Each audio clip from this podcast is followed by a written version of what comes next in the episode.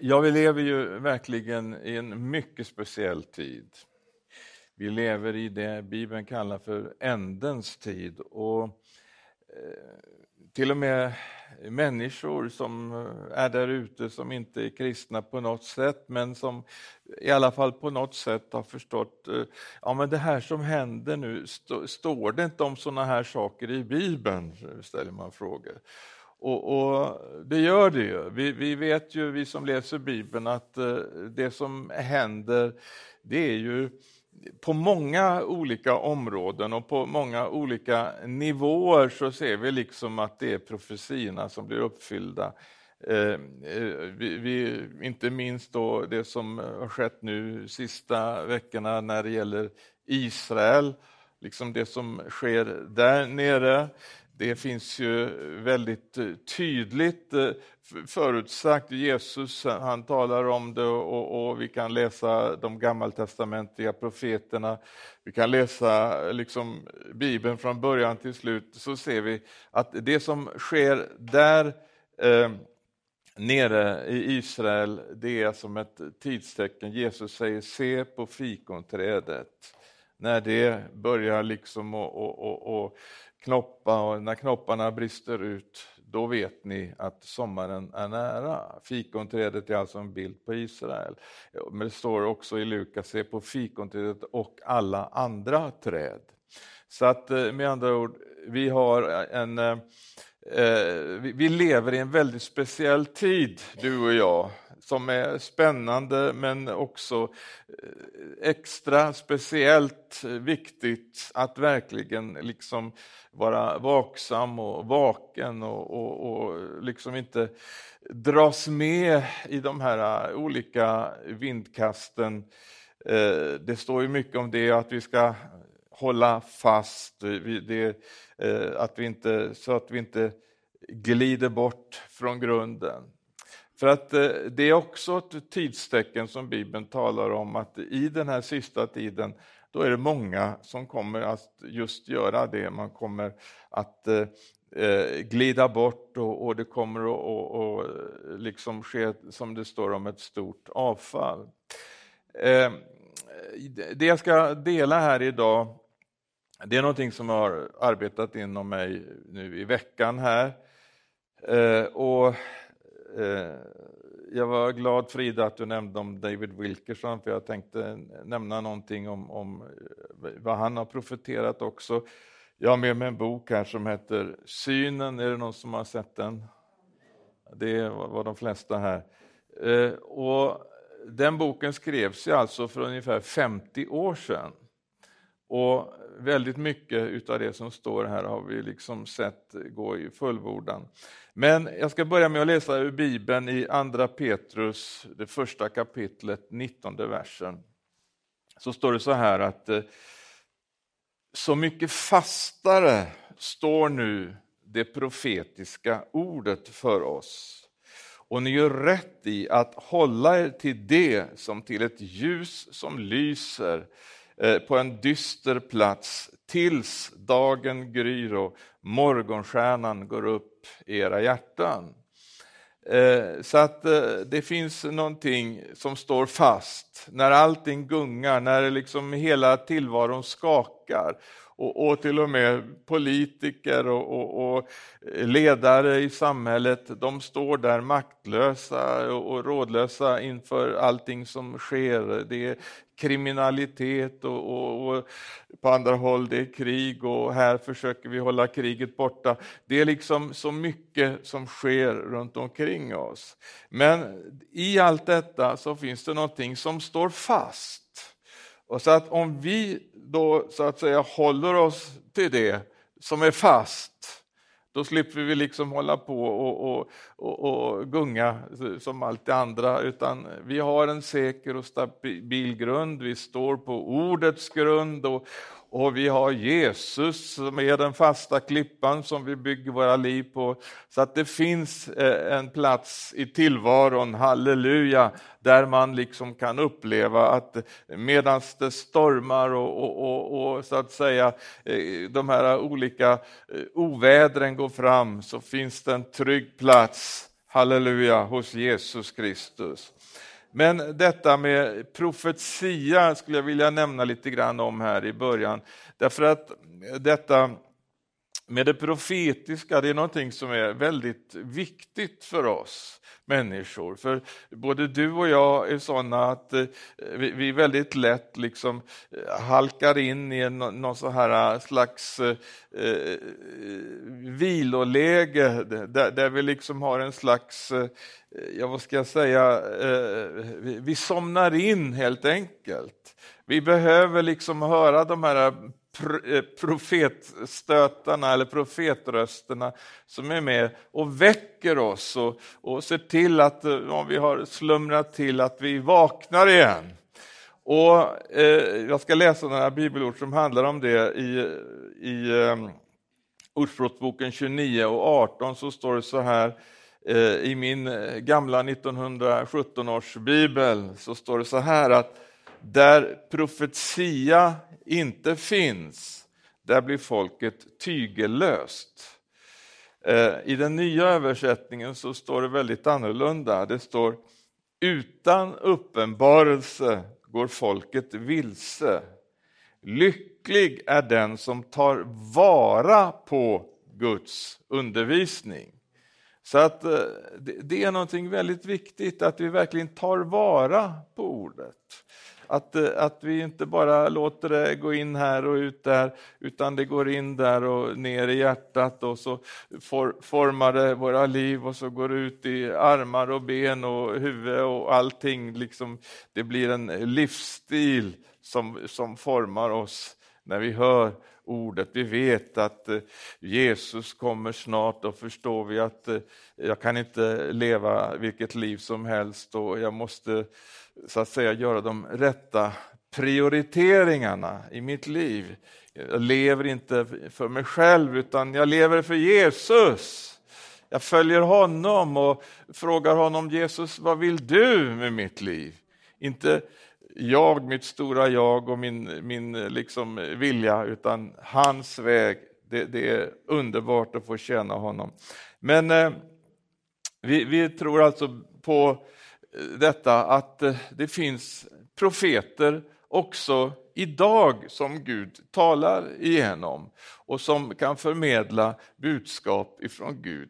Vi jämställer inte det med, med bibelordet, absolut inte. Allt som liksom profeteras ska prövas. Men eh, vi, vi, vi, är så innerligt tacksamma att eh, det finns de som liksom avskiljer sig och, och, och, och, och lyssnar in. Vad vill himlen tala till oss? Herre, vad vill du tala till mig och till ditt folk?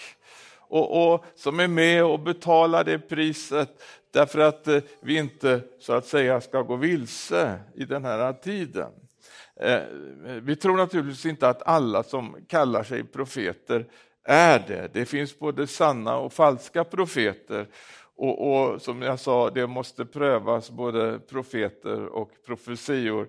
Men eh, eh jag ska läsa några bibelord till som just handlar om det här eh, med profettjänsten. I fjärde Mosebok i det tolfte kapitlet så står det där i sjätte versen om det finns en Herrens profet ibland er, ger jag mig till känna för honom i en syn och talar med honom om en dröm.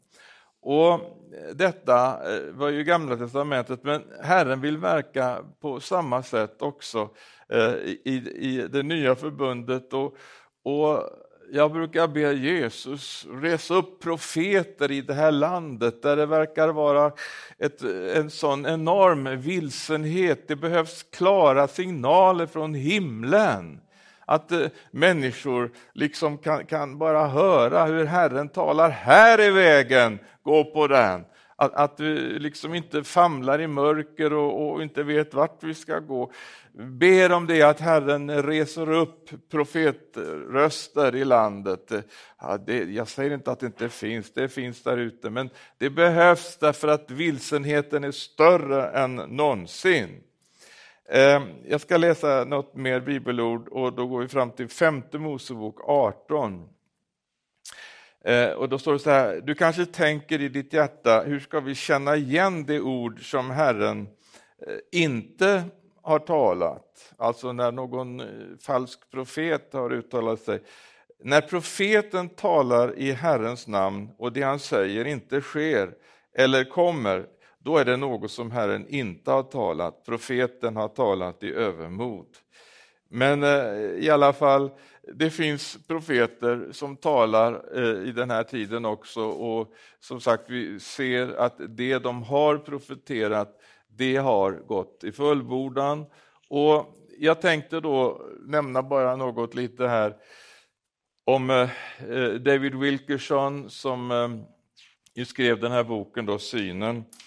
Och han talar om någonting där som eh, kan vara viktigt att veta då för oss som Guds folk. För att eh, vi kan ha en bild av vad som sker och vi tittar ut över det vi brukar kalla för kristenhet och samfund och alltsammans det här. Och, och, och, vi ser liksom att det sker saker och ting, det, det, man, hur eh, det sker eh, de som, eh, det finns ledare som börjar tala om, på ett sätt som går rakt emot det som ju faktiskt står här i den här boken som vi ju menar är Guds ord. Va? Vi som är bibeltroende tror det att det här är Guds ord.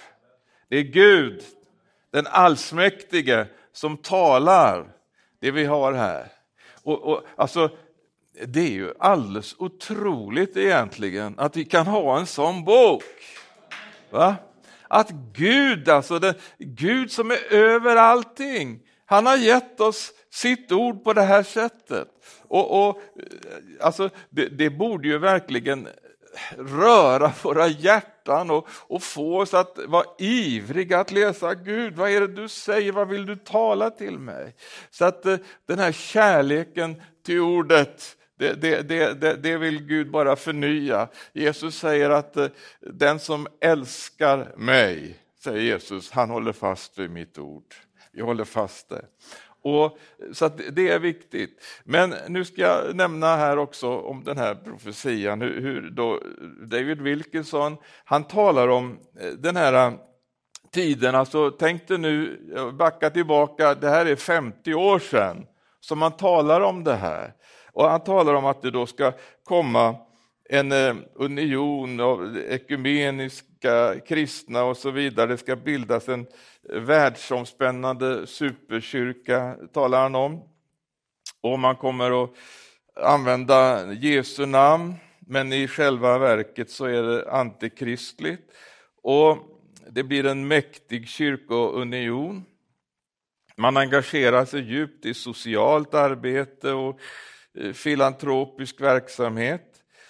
Och man eh, är med på olika sätt socialt och, och dessutom så, så, får man ett politiskt inflytande. Men så säger han också att eh, han ser något som skrämmer, skrämmer honom, att jag ser en armé av kar karriärmänniskor som intar de mest inflytelserika posterna i denna superkyrka. De är ogudaktiga, antikristliga, och besatta av tanken att superkyrkan måste bli en politisk maktfaktor som är stark nog att utöva på, påtryckningar på de som opponerar sig och så vidare.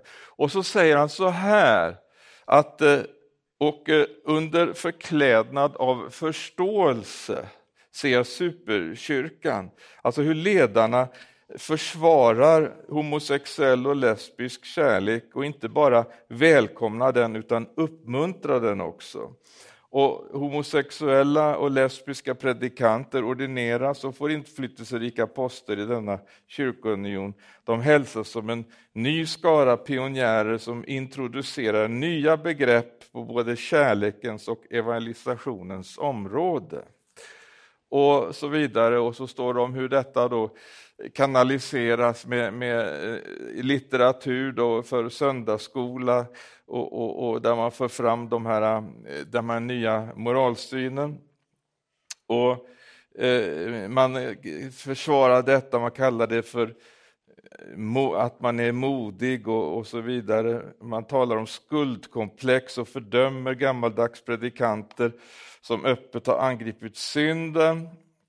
Och så försöker man upplysa människor om hur de kan leva eh, och, med, och betrakta köttets svagheter som gåvor från Gud. Och eh, jag, jag måste säga att eh, vi börjar väl se konturerna utav det han beskriver här hur man liksom öppnar upp då, och det här är naturligtvis bara på ett område, men hur hela liksom moralsynen förändras från det som då, eh, jag menar i alla, i tusentals år så har ju liksom eh, Guds folk och församlingarna och, och eh, ledare, förkunnare stått fast vid vad Bibeln säger på, på olika områden.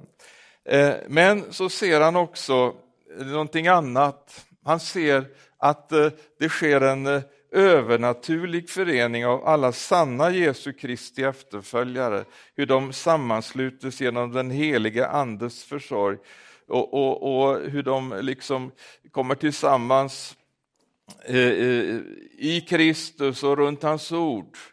Och de blir en bibeltroende underjordisk gemenskap, skriver han om här. Och, och, medan då den här superkyrkan vinner allt mer och mer politisk makt så växer den osynliga, övernaturliga församlingen eh, enormt i andlig styrka. Och det blir förföljelse och den i sin tur då framtvingar, eh, eller liksom, den driver fram detta enorma behov utav att eh, få ta emot kraften i den heliga Ande. Man frågar inte efter samfundstillhörighet, utan man predikar, man förenas genom den heliga Ande och så predikar man om Jesu snara återkomst. Den, e-, den heliga Ande åstadkommer gemenskap mellan människor i alla samfund och samfundsgrupper. Och, och, när förföljelsen intensifieras blir dessa troende närmast fanatiska i sin strävan att evangelisera världen. Det är ni. Denna osynliga kyrka får övernaturlig smörjelse och kraft från den heliga Ande att fortsätta att proklamera evangelium tills budskapet har gått ut till alla jordens folk. Och jag, jag, jag, tycker mig kunna se att det är det här som börjar ske. Alltså, eh, ni har säkert hört det sägas här under det senaste året att det går som ett svärd genom kristenheten. Och eh, jag tror att det kommer att bli tydligt på vilken av de här sidorna vi står någonstans. Det är inte så att säga eh, samfundsetiketter eller annat som bestämmer, utan det, det handlar om en enda sak. Det handlar om denna kärleksrelationen till Jesus Kristus. Om det är världens ande eller om det är den heliga ande som, som driver oss. Och jag, jag, jag tänkte här läsa några bibelord och, och eh, just det, när vi då talar om ändetiden så vet vi att Uppenbarelseboken är ju en bok som talar mycket om ändetiden. Och jag tycker jag kan se båda så att säga de här linjerna går genom Uppenbarelseboken. Eh, det börjar med, med eh, jag kan läsa de allra första verserna i, i Uppenbarelsebokens första kapitel där där det står att detta är Jesu Kristi uppenbarelse som Gud gav honom, halleluja, för att visa sina tjänare vad som snart måste ske. Han sände sin ängel och gjorde det känt för sin tjänare Johannes som har vittnat om Guds ord och Jesu Kristi vittnesbörd, allt vad han själv har sett. Salig är den som läser upp och saliga är de som lyssnar till profetians ord och tar vara på det som står skrivet i den, för tiden är nära. Och i samma eh, kapitel så står det att eh, Jesus säger att eh, jag kommer snart och, och, och så vidare. Och, och sen så förstår vi och då hittar vi Jesus där, Johannes han får se Jesus och han får se eh, liksom eh, denna eh, enorma, det är som att han, han han hittar inte orden när han ska beskriva det han ser när han ser Jesus. Han, han talar om guld, han talar om liksom, allt möjligt sånt här, men det, det, är ju någonting liksom bortom ytterligare, någonting som inte är av den här världen som han ser. Och, och, och, orden räcker liksom inte till när han ska beskriva den härlighet som han ser när, när han får se Jesus. Och var är han någonstans då? Jo, det, han ser honom gå där ibland några ljusstakar.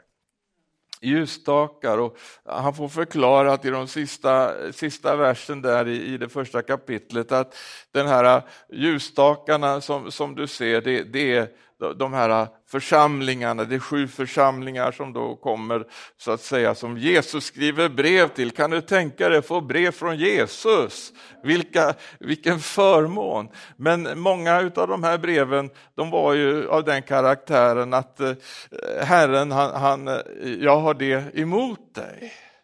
Och, och Det är ju viktigt då att man kan lyssna om det finns någonting som Herren har emot oss, att vi liksom kan omvända oss och, och, och, och, så att säga göra det som behagar honom, det som är hans vilja.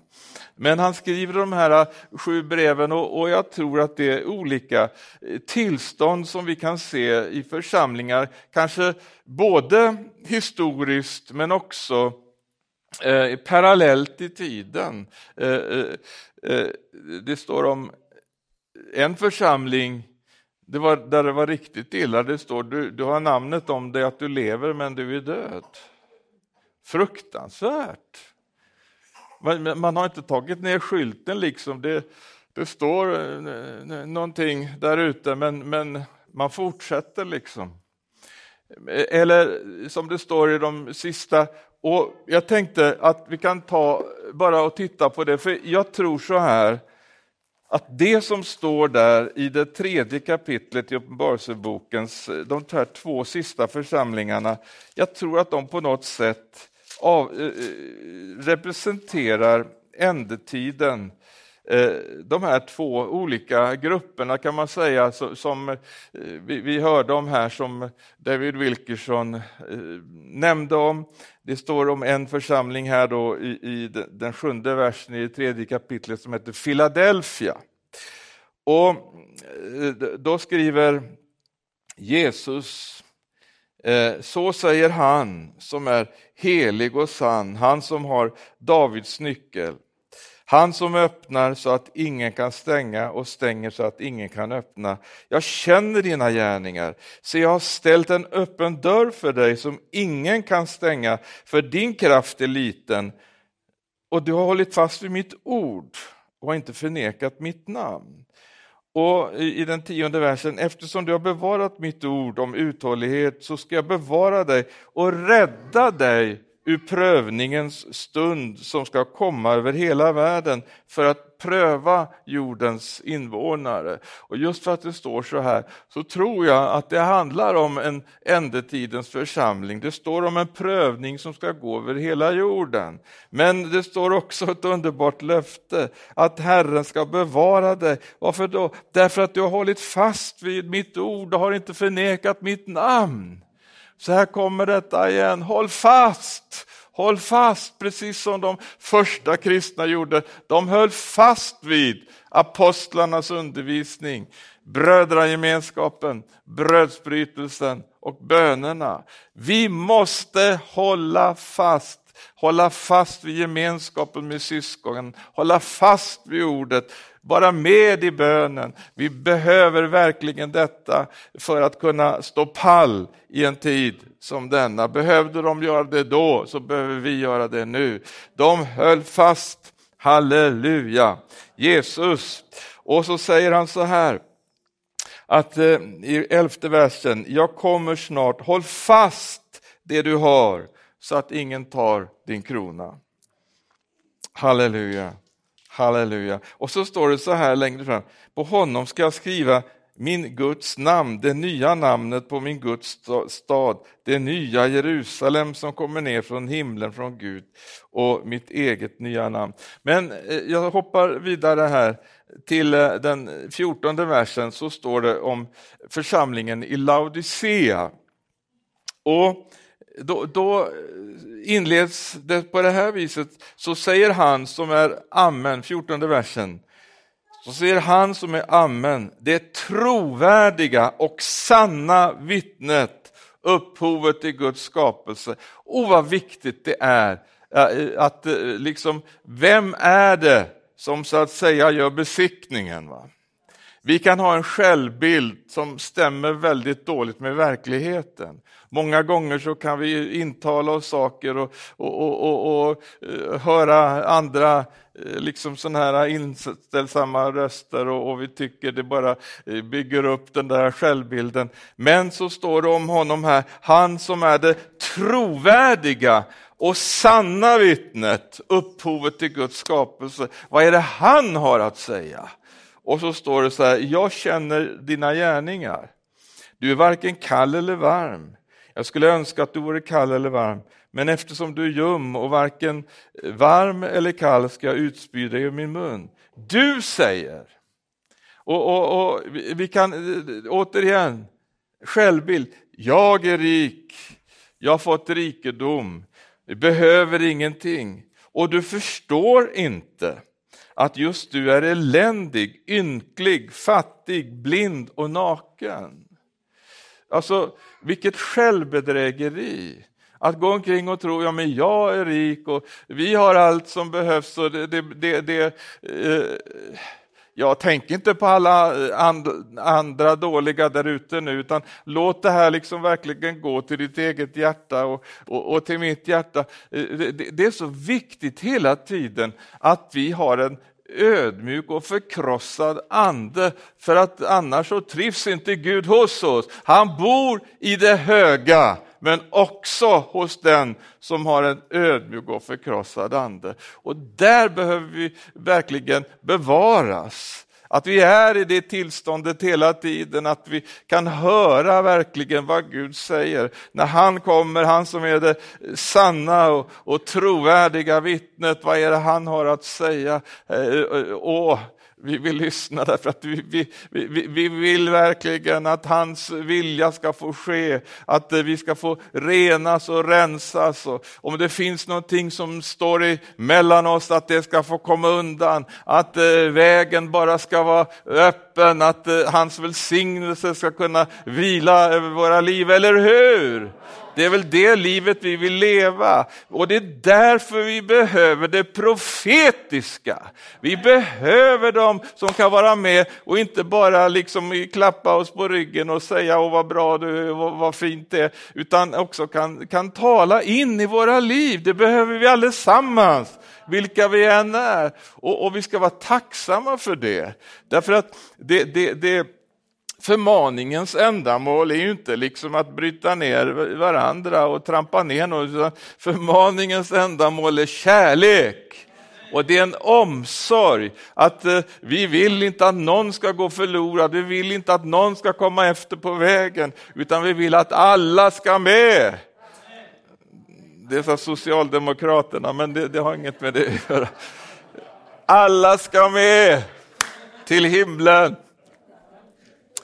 Eh, och det, det, det, är så viktigt det här förstår ni, för att man kan leva, jag menar det kan bli en slags eh, eh, rutin och vana och man kan leva år efter år. Och man kan leva som i den här Laodicea-församlingen där man liksom inte eh, förstod eh, egentligen någonting. Oh, man sjöng sina sånger, man hade sina gudstjänster och allting liksom bara eh, rullade på så här. Va? Åh, det var eh, ja, härligt. Men det kanske inte var andligt, det var själiskt.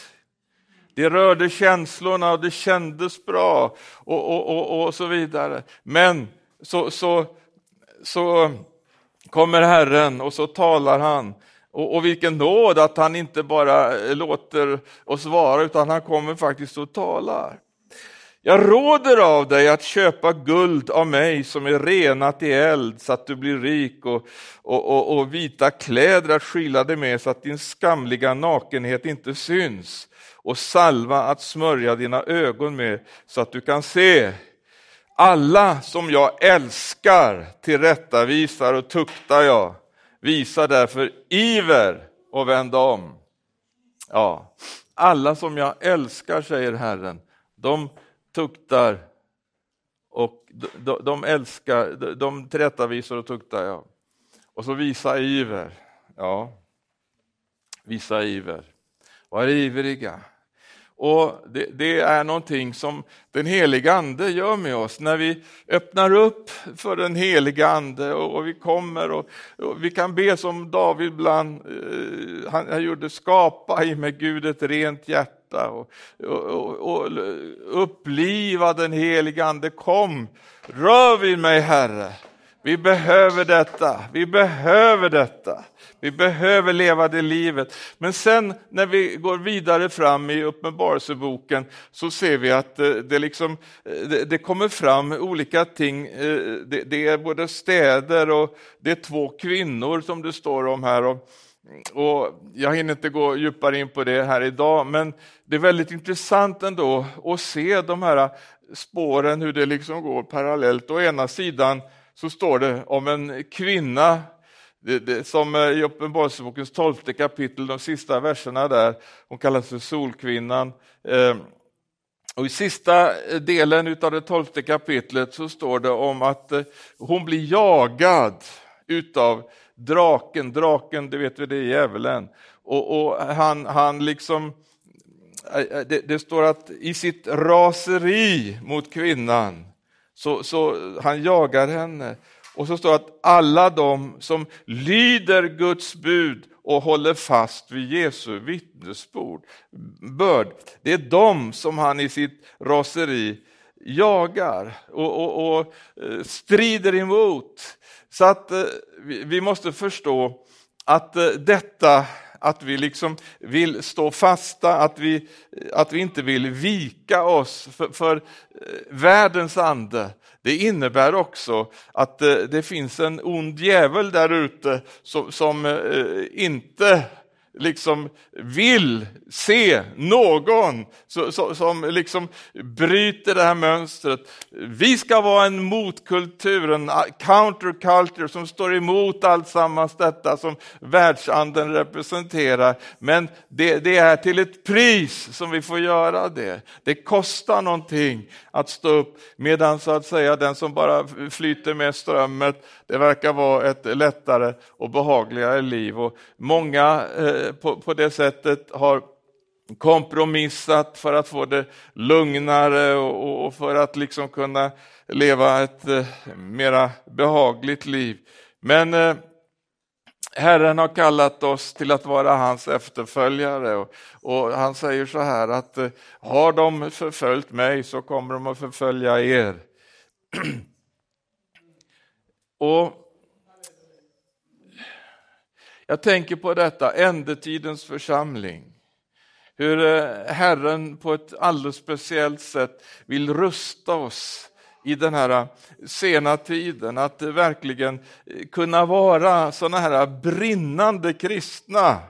Det står i Joels andra kapitel så här att i de yttersta dagarna ska jag utgjuta av min ande över allt kött. Och, eh, era söner och era döttrar ska profetera och era gamla män ska ha drömmar. Jag förstår inte varför jag börjar drömma så mycket på sista tiden, men det måste ha något med det där bibelordet att göra. Drömmer du också? Ja.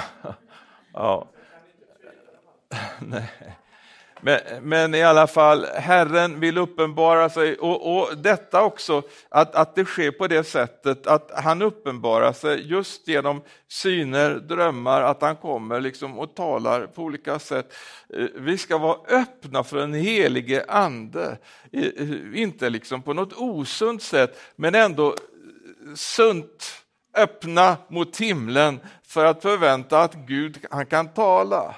Tala till mig och han vill tala, han vill uppenbara, han vill verkligen komma därför att vi behöver verkligen eh, bli, få instruktioner från himlen och bli ledda i en tid som denna. Vi ser, det sker så oerhört mycket och det går så fort och fienden han flyttar fram positioner på olika områden.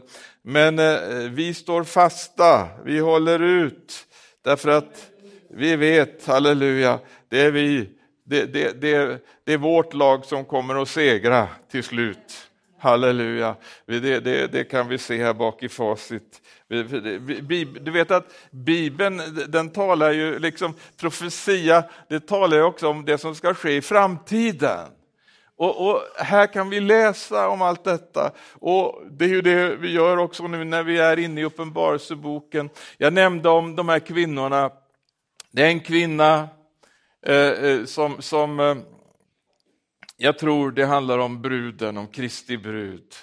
Hon som så att säga håller på att förbereda sig för det som kommer sen i slutet av Uppenbarelseboken, i det 19 kapitlet, där det står att det, att det har rätts till för Lammets bröllop och, och bruden har gjort sig redo. Hon har blivit eh, smyckad och, och förberedd och klädd för detta att nu ska det bli bröllop.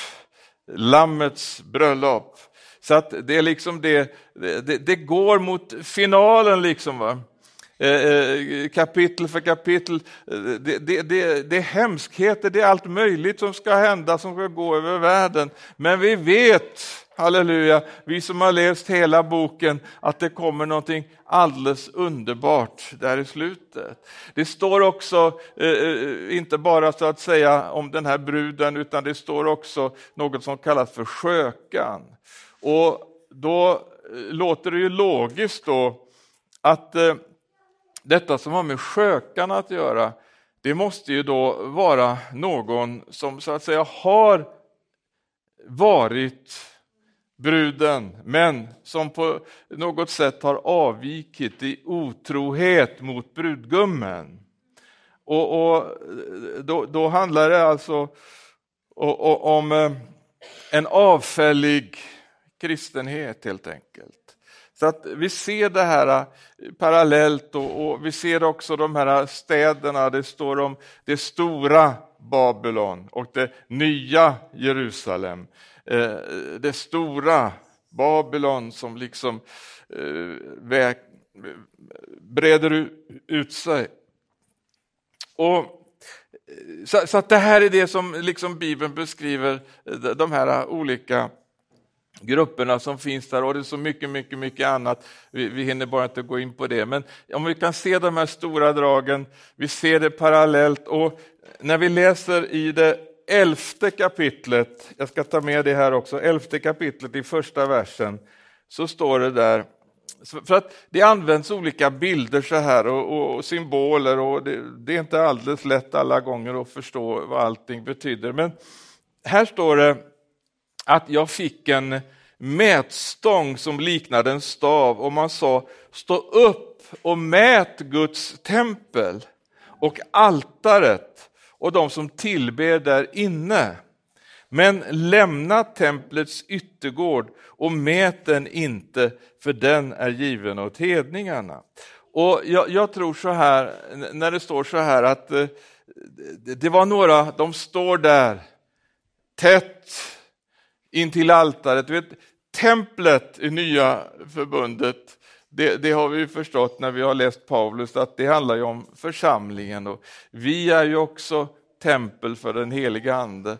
Så att här har vi dem som liksom står där ända längst framme vid altaret. Och jag tänker på altaret och tänker jag på korset. Jag tänker på eh, eh, Jesus och hans kors, men också de som liksom har, har eh, låtit sig korsfästas tillsammans med honom. De, de där korsmärkta kristna, de står där längst fram vid det här altaret. De står där och eh, eh, ur himlens synpunkt då, det, var de man räknade med, det var de som skulle räknas, mätas. Men de som var där ute i förgården, Mät inte det, för det är prisgivet åt hedningarna. Alltså med andra ord, det finns namnkristna, det finns de som så att säga eh, är halvhjärtade, ljumma och så vidare. Det är viktigt att, att se till att man tränger sig fram till altaret, att vi är där inne i eh, den nära, täta gemenskapen med honom, han som eh, eh, är korsfäst för oss. Och, och det står också om det här i, i vi kan läsa i Romarbrevets tolfte kapitel, där det just står detta om altaret. Romarbrevet 12 så står det så här, första versen. Därför uppmanar jag er bröder vid Guds barmhärtighet att frambära era kroppar som ett levande och heligt offer. Alltså de som liksom har eh, gett sina liv Frambär era kroppar som ett levande och heligt offer som behagar Gud, er andliga gudstjänst. Anpassa er inte efter den här världen, utan låt er förvandlas genom förnyelsen av ert sinne, så att ni kan pröva vad som är Guds vilja, det som är gott, fullkomligt och behagar honom. Det livet vill vi leva, eller hur? Och eh, Jag bara känner den här eh, längtan Eh, det bara växer sig starkare känner jag mer och mer. Jesus, hjälp oss att verkligen, verkligen kunna leva det liv som du vill att vi ska leva. Både som enskilda individer och personer men också som församling. Att Herren verkligen får leda oss på sin väg. För att eh, jag åtminstone är inte ett dugg intresserad av verksamhet. Jag har varit med om så mycket verksamhet ända sedan eh, före tonåren.